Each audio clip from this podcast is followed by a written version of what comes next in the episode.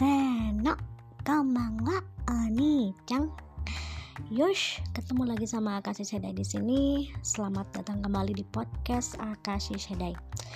Kalau kemarin gue sempet bikin podcast ngulas atau ngebahas tentang chapter 139 manga Shingeki no Kyojin alias chapter terakhir dari manga fenomenal karya Hajime Isayama kali ini gue pengen ngebahas sesuatu tentang anime pastinya ya. Jadi biasanya bukan biasanya sih kadang-kadang gue suka bikin itu loh di apa Instagram. Bikin uh, Insta Story yang ask me question itu loh. Nah gue biasanya bikin captionnya itu gue ubah jadi karena gue pengen lebih mengulas tentang anime jadi kadang pertanyaannya gue eh captionnya gue ubah. Ayo kita ngomongin anime terus mau nanya anime silakan gitu. Nah banyak banget yang suka nanyain pertanyaan-pertanyaan kreatif seputar anime dan gue juga kadang suka ngakak ya. Kalau setiap kali dapet pertanyaan-pertanyaan ada yang kreatif ada yang uh, sangat tidak berfaedah gitu ya. Ada juga yang hanya pernyataan. Udah aja pertanyaannya mana? Kagak ada ya begitulah ya netizen bikin kocak tapi yang bikin kesel juga ada sih tapi ya sudahlah nah di questions itu ada jawabannya kan pasti ya. Nah, ada satu question yang bukan satu sebenarnya banyak banget question yang menarik. Tapi ada salah satu yang ada yang nanya kayak gini. Kak, kalau misalnya lu bisa milih, ada nggak hmm, apa setidaknya tiga anime yang endingnya itu pengen banget lu ubah? Ini buat gue pertanyaan yang cukup menarik cukup tricky juga ngejawabnya karena menurut gue setiap anime itu kan punya ending yang uh, apa ya ngasih efek tertentu ke kita apalagi ke orang-orang yang memang anime lover yang amat sangat concern tentang ending anime tersebut ya buat gue setiap anime punya keunikan sendiri-sendiri dalam mengeksekusi endingnya. Ada endingnya itu yang ngegantung. Ada yang ngegantung tapi justru brilian. Ada yang menggantung dan gak jelas terus gak ada terusannya. Ada juga yang sangat memuaskan ada yang happy ending yang seperti diharapkan ada juga sad ending tapi kita bakal ngerasa kalau misalnya si sad ending itu justru happy ending esensinya nggak dapet. Nah itu. Jadi banyak sekali anime dengan ending-ending tertentu yang bikin gue tuh puas dalam arti jangkauan luas gitu loh. Maksudnya puasnya itu nggak hanya selalu puas karena uh, happy ending nggak selalu puas hanya karena endingnya itu uh, twisted gitu ya uh, gak gampang ditebak atau di luar perkiraan kita nggak selalu tapi jangkauannya luas gitu. Tapi biasanya anime-anime itu endingnya selalu bikin gue puas. Uh, misalnya nih ya uh, anime yang tadi gue bilang endingnya itu gantung tapi brilian. Salah satunya yang pasti selalu gue kasih tahu ke orang kalau misalnya ada yang nanya ke gue ending anime yang paling greget tuh yang mana sih? Gue salah satunya selalu menyebutkan Kimi no Nawa anime movie ya ini ya bukan anime series. Nah banyak banget kal uh, dari yang gue amatin gitu ya. Orang-orang yang nonton Kimi no Nawa tapi tidak menonton karya-karya Makoto Shinkai yang lain. Misalnya seperti yang paling familiar aja ya yang mainstream gitu tapi yang paling terkenal gitu. Uh, 5 cm per second atau ini apa? Uh, aduh satu lagi tuh apa sih? Kotonoha no Niwa dua itu punya ending yang sama-sama happy enggak sad juga enggak gitu loh. Masih maksudnya tuh gue malah bisa melihat ada ending yang sangat wajar. Jadi malah realistis dan relate sama kehidupan kita sehari-hari. Misalnya kan kalau di Kota Nohanonewa itu kisah cinta antara guru dan ini ya pemuda yang usianya jauh lebih muda gitu. Kalau misalnya kita lihat endingnya ketika endingnya itu misalnya dibikin happy bagus sih tapi kayaknya kesan mendalam efeknya tuh kita nggak kena. Justru Makoto Shinkai membuat ending yang amat sangat tidak terduga yang bikin kita eh, langsung penasaran loh terus ini gimana nih? Gitu kan kisah cintanya itu mereka tuh kayak gimana. Kita bakalan diajak untuk mikir Makoto Shinkai ini ya gue gue perhatiin nih Makoto Shinkai itu adalah tipe orang yang membuat kita berpikir mengajak kita untuk berimajinasi endingnya itu sesuai per, sesuai harapan kita itu gimana tapi tidak divisualisasikan oleh dia. Jadi endingnya itu bener ada di imajinasi kita sendiri gitu. Kita simpen sendiri kita halu sendiri dan kepuasan itu bakalan kita dapatkan dengan kehaluan itu gitu. Itu yang gue tangkep sih dari Makoto Shinkai. Nah yang tadi gue bilang endingnya Kimi no Nawa itu justru buat gue hanya sampai mereka menanyakan nama apa bukan nama apa menanyakan nama mau menyebutkan nama masing-masing gitu kan. Kimino Namaewa gitu kan udah aja langsung uh, sparkle kan udah langsung berakhir tuh si uh, anime movie-nya. Orang-orang kan biasanya yang uh, tidak menonton anime movie-nya karya Makoto Shinkai sebelum-sebelumnya itu bakalan tidak puas dengan ending tersebut. Kok gantung sih? Kok ini sih? Kok gitu? Tapi kalau misalnya diresapi lebih dalam lagi dan buat gue sendiri gitu ya endingnya amat sangat aduh ini mind blowing banget tidak ada ending yang bisa lebih baik daripada itu menurut gue ya ketika Taki dan Mitsuha sama-sama menyebutkan kalimat yang sama, Kimi no Namawa terus berakhir gitu. Itu di situ gue mendapatkan satu kepuasan tersendiri yang bisa dibilang memang di luar jangkauan gue di di luar ekspektasi. Justru ekspektasi gue tuh sebenarnya nggak terlalu ketinggian banget. Gue berpikir ya udah habis ini kayaknya mereka uh, ketemu terus jadian gitu. Dan itu sudah biasa amat sangat biasa. Justru Makoto Shinkai itu mengajak ayo dong kalian berimajinasi. Ini tuh endingnya kalau dari gue nih segini nih menurut kalian tuh kayak gimana? Dia kayak ngasih kita kunci kita tinggal buka ku kita tinggal buka pintunya dan di, di pintu itu di balik pintu itu ada sesuatu yang bisa bikin kita malah lebih histeris greget lagi dan wow aduh begini ternyata. Nah itu sih. Gue aduh ini bener-bener greget banget kalau misalnya ngomongin tentang endingnya Kimi no Nawa. Uh, tapi ketika balik lagi ke pertanyaan si uh, pertanyaan si, si pertanyaan netizen kepada gue yang dia bertanya ada nggak sih minimal gitu tiga anime yang endingnya pengen gue ubah. Uh, tiga itu buat gue terlalu banyak. Karena rata-rata anime yang gue tonton endingnya itu selalu gue hampir kadang nggak bisa nebak gitu endingnya kayak gimana. Contoh Happy Sugar Life. Ini anime bisa dibilang horor tapi bu horornya tuh bukan setan gitu ya horornya bener-bener masuk ke apa ya kena men, kena mental kita gitu loh. Sisi psikologis kita tuh kena banget karena setiap karakter di anime tersebut itu jauh dari perkiraan. Kayak punya dua apa bermuka dua semua gitu dan itu kan relate sama kehidupan sehari-hari sebenarnya kan. Dan endingnya dong gila banget. Kalian harus nonton sih anime ini Happy Sugar Life. Jangan terkecoh sama judulnya judulnya doang happy. Isinya nggak waras semua asli. Pokoknya aduh ini salah satu anime dengan plot yang anjir banget lah kalau bisa gue bilang ya. Eh, kalau dilihat dari luar sih apa sih nih cewek kerja di uh, apa kafe kalau nggak salah ya. Kafe terus dia mungut anak kecil yang hilang terus mereka saling sayang gitu kan karena saling merawat gitu kayak adiknya sendiri. Ha benarkah seperti itu? Ke sana ke sananya gue yang hah? Menganga apa-apa aneh isinya kayak begini. Aduh parah banget deh. Dan kalian pasti bakalan amat sangat apa ya uh, akan mengasihani beberapa tokoh di anime tersebut. Gue sih gue lupa ya namanya tapi ada satu laki-laki cowok ya pirang rambutnya. Itu kasihan banget itu.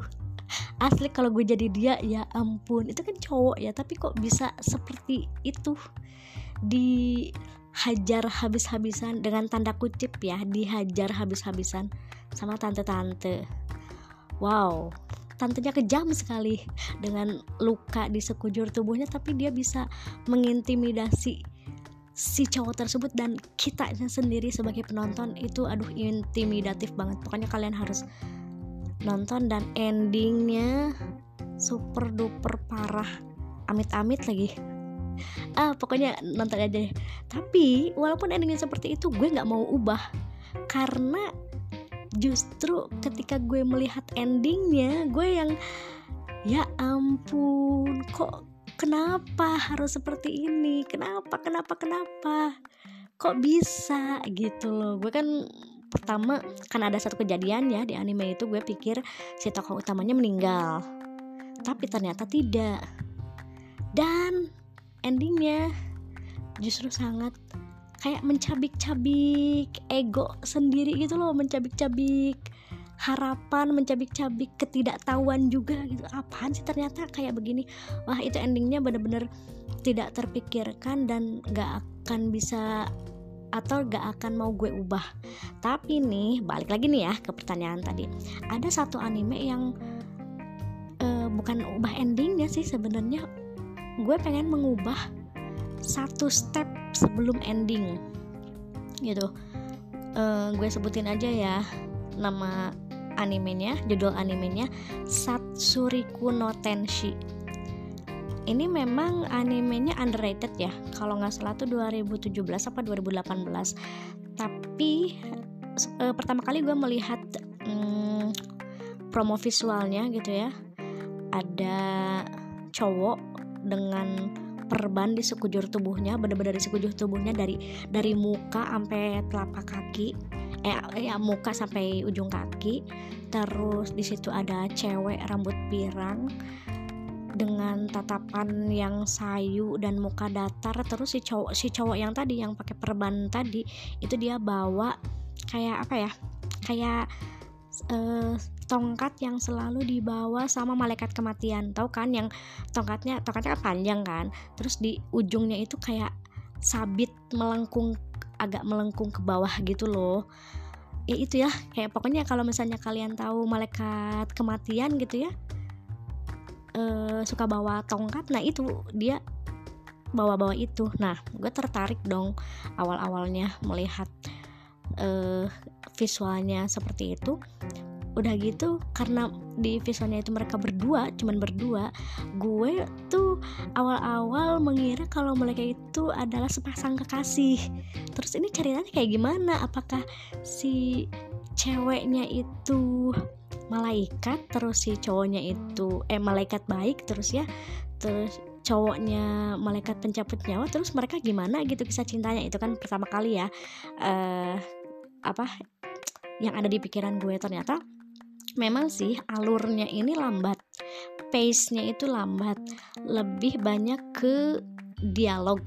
Dan itu setting tempatnya cuman ada di satu gedung.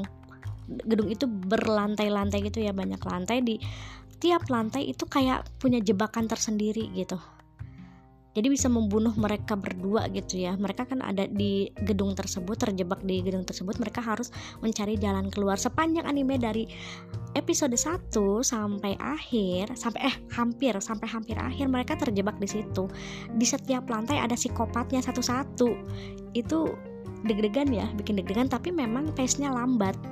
Jadi dari episode 1 itu rentang 23 menit lah ya 23 menit itu kita bakalan disuguhi oleh alur yang tidak terlalu bikin gonjreng atau yang uh, bikin kaget atau gimana. Tapi kayaknya ini mempermainkan psikologisnya kita gitu. Nah yang pengen gue ubah sebenarnya adalah ini kisahnya si cewek sama cowok ini. Oh ya gue belum memperkenalkan ya si cowok namanya Zack Foster. Tapi nama aslinya itu Isaac Foster. Zack Foster ya biasa dipanggil Zack nah kalau si cewek nah namanya Rachel Gardner. Ini uh, si Rachel itu apa ya dia itu ingin mati tapi ingin matinya itu nggak mau bunuh diri. Dia ingin dibunuh dan dia sudah memilih seseorang untuk membunuh dia itu si Zack itu. Cuman lambat laun karena mereka barengan kan terjebak di gedung tersebut lama-lama si Zack itu tetap sih pengen ngebunuh si Rachel karena keinginannya Rachel sendiri tapi ada kayak ada tumbuh benih-benih rasa suka gitu sama si Rachel. Dan berkali-kali mereka saling kayak saling menyelamatkan gitu loh. Jadi ketika Rachel terluka ya ditolong sama si Zack. Terus ketika si Zack itu berdarah-darah ditolong juga sama Rachel. Jadi uh, walaupun mereka saling menyelamatkan tetap aja si Rachel juga keinginan untuk dibunuh itu masih ada masih menggebu. Makanya mereka itu saling berjanji. Pokoknya yang bisa yang boleh membunuh aku adalah kamu kata si Rachel. Nanti akan ada saatnya pokoknya aku pengen dibunuh sama kamu gitu. Ini orang ya ampun gila amat ya pengen mati dengan cara ya pokoknya dibunuh pokoknya aku milih kamu untuk membunuh aku. Ih serem gua mah. Kenapa sih nggak nikah aja tuh nggak jadian aja tuh berdua? Kan ini bikin kesel. Nah itu yang pengen gue ubah gitu ya. Uh, jadi oh ya si Zack ini uh, kenapa dia pakai perban dari muka? Sebadan badan dia tuh perban semua. Dari muka sampai kaki diperban karena dia tuh pernah dibakar sama uh, orang tuanya. Terus Rachel sendiri ternyata masa lalunya tuh nggak kalah suram sama si Zack. Si Zack itu kan dari kecil udah disiksa udah di uh, pokoknya dapat kekerasan gitu fisik dan verbal dari orang-orang dari orang yang mengasuhnya gitu orang tuanya. Sampai dibakar segala kan tapi akhirnya dia uh, apa bisa selamat dari luka bakarnya yang hampir pokoknya sekujur tubuhnya udah nggak bisa di ini lagi deh ya. Dan dia jadi orang yang amat sangat apa ya pembenci banget lah. Pokoknya dia sangat ingin membunuh orang gitu gara-gara masa lalunya itu. Sedangkan Rachel dia adalah kalau kita lihat sepintas gitu ya cewek yang manis kawaii gitulah. Kawaii terus kayaknya pendiam gimana gitu ya. Tapi ternyata dia adalah seseorang dengan masa lalu yang sangat suram. Dia ngebunuh orang tuanya. Dan apa yang apakah kalian tahu apa yang dilakukan Rachel terhadap mayat orang tuanya? Dijahit dong. Jadi si ayah sama si ibunya itu apa ya di, ditempel dijahit. Si si si mayatnya itu dijahit jadi nempel berdua itu. Dengan raut wajah yang tetap, tetap datar.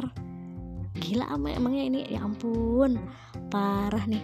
Tapi dari situ dia emang pengen mati tapi dia nggak mau bunuh diri dia pengennya dibunuh.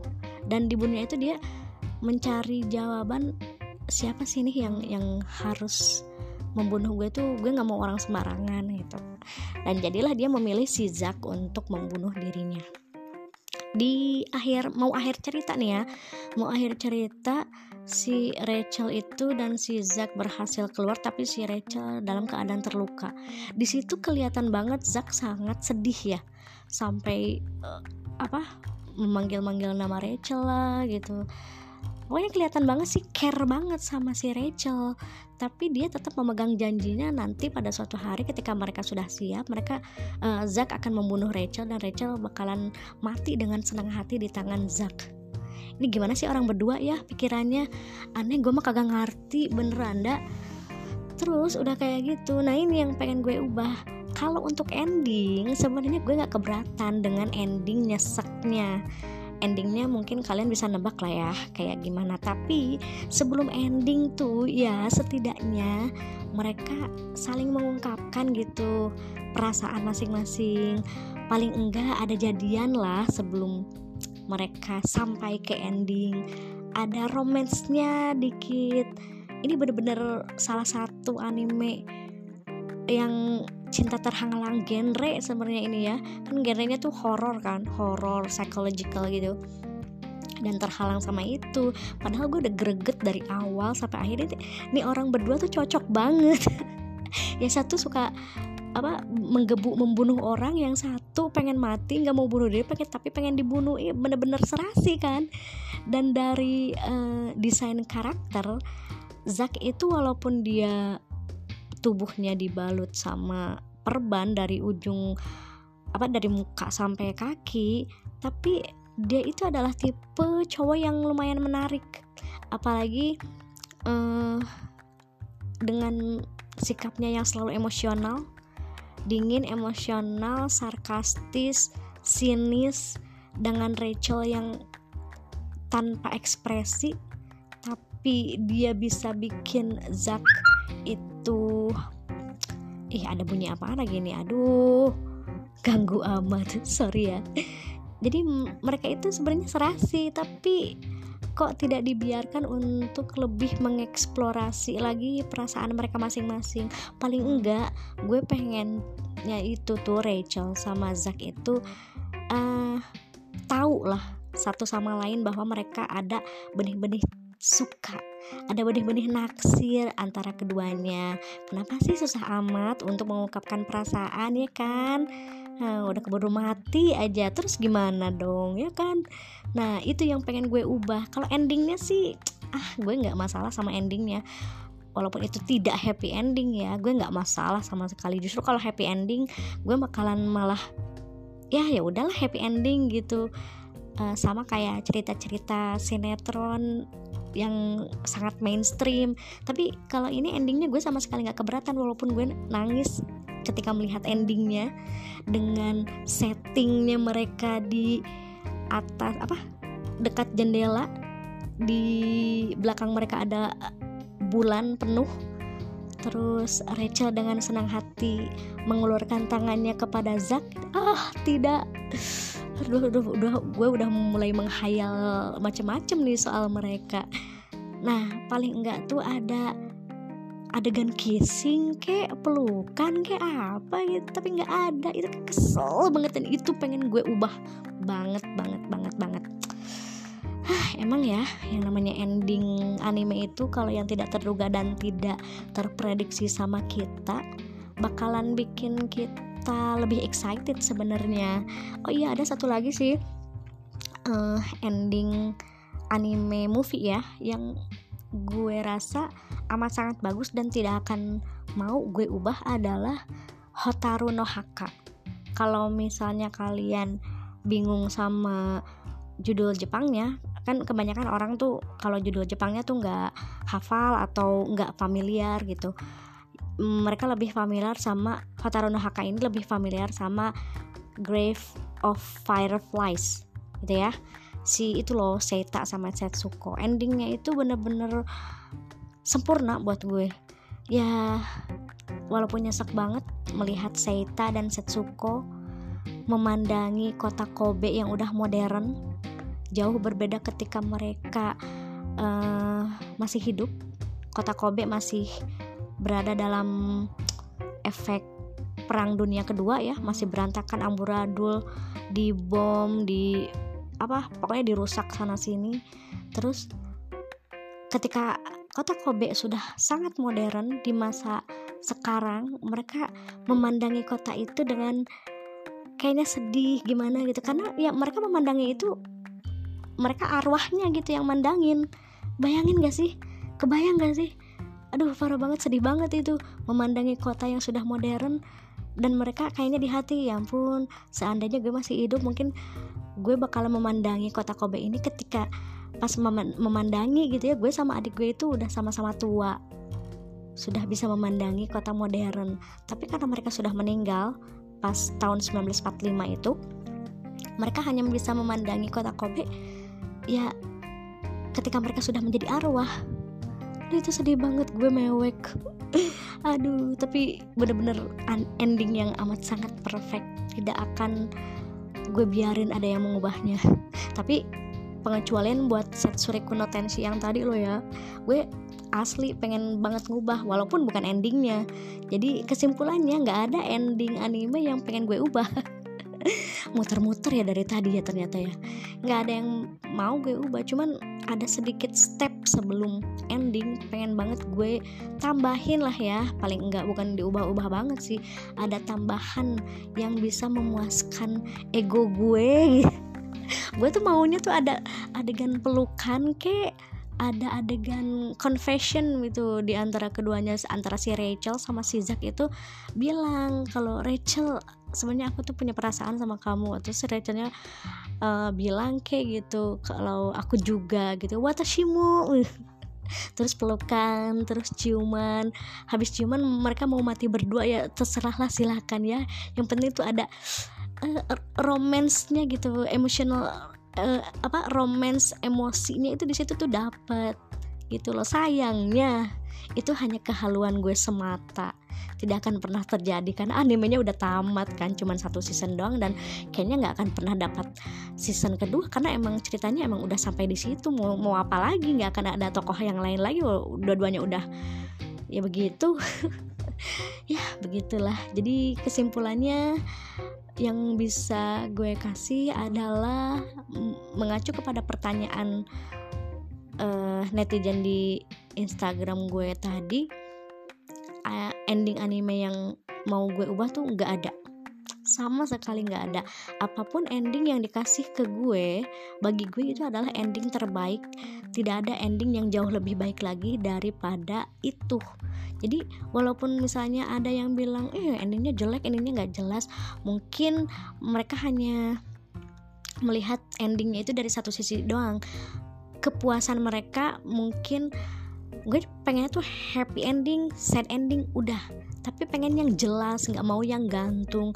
Padahal di sesuatu yang gantung itu ada clue ada petunjuk ada imajinasi di situ yang bisa kita explore lebih dalam lagi. Makanya kayak Makoto Shinkai itu dia tuh ngasih kita kunci. Pintunya udah dia tunjukin noh ada pintu. Nih kuncinya tinggal lu buka. Dan di samping di apa balik pintu itu ada sesuatu yang bisa kita explore lagi gitu loh maksudnya mungkin ya. Tapi kalau menurut gue sih seperti itu. Karena uh, diperhatikan setiap kali karya Makoto Shinkai itu selalu ada kayak pesan tersendiri yang harus kita temukan oleh diri kita sendiri gitu. Jadi uh, Makoto Shinkai membiarkan kita puas dengan cara kita sendiri walaupun dengan uh, karyanya dia endingnya anime movie-nya dia gue udah puas banget asli.